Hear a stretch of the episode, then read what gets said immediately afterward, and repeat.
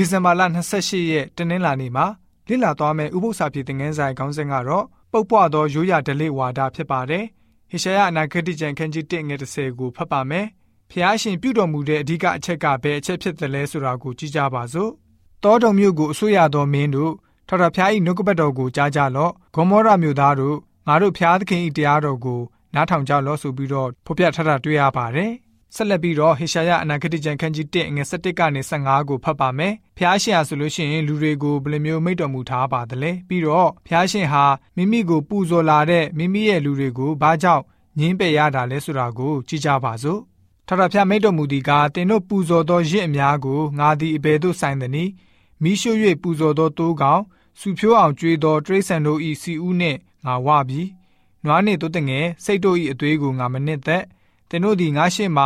မျက်နာပြချင်းငါသာလာကြသောအခါငါတတိုင်းတော်ကိုကြော်နှင်းသောတင်တို့၌ထို့သောဝတ်ကိုအဘယ်သူတောင်းသည်နည်းအချင်းဤသောပူဇော်တကားကိုနောက်တဖန်မဆောင်ခဲ့ကြနှင့်တင်တို့မိရှုသောနတ်သားပေါင်းကိုငါယွန်ရှာ၏လာဇန်းနှင့်ဥပုံနှင့်ပရိသတ်စည်းဝေးသောနေ့ကိုလည်းယွန်ရှာ၏အာရမအမှုနှင့်ယွန်တော်သောဓမ္မစည်းဝေးခြင်းတို့ကိုတိမခံနိုင်ငါဝိညာဉ်သည်တင်တို့လာဇန်းနှင့်များနှင့်တင်တို့ပွဲများကိုမုံ၏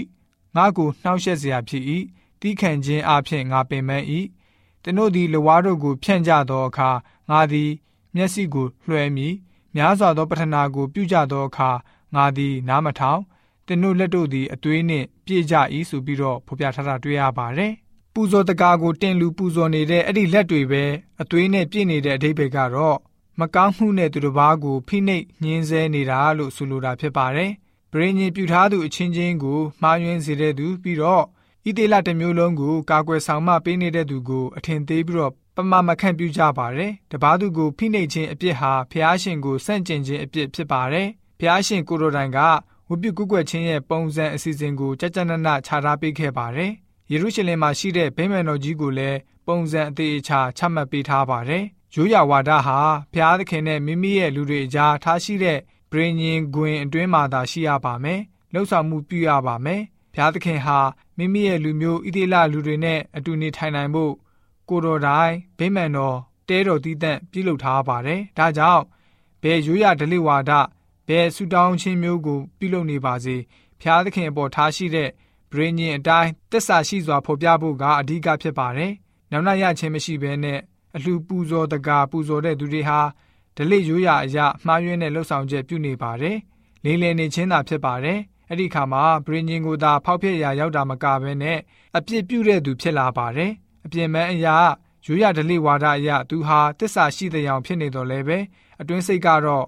ဗြိဉ္ဉ်ကိုချိုးဖောက်တဲ့သူဖြစ်နေပါတယ်။ဟေရှာယအနာဂတိကျမ်းခန်းကြီး1ငွေ16ငွေ19ကိုဖတ်ပါမယ်။ဖျားရှင်ဟာမိမိလူတွေရဲ့လှုပ်ဆောင်နေသမျှကိုဘယ်လိုမျိုးမိန့်တော်မူထားလဲဆိုတာကိုကြည့်ကြပါစို့။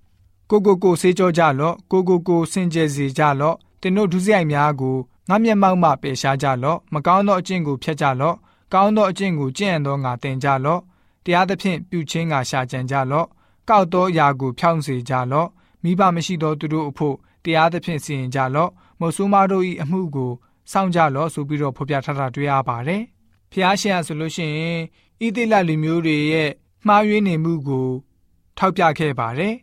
သူတို့တွေကဆိုလို့ရှိရင်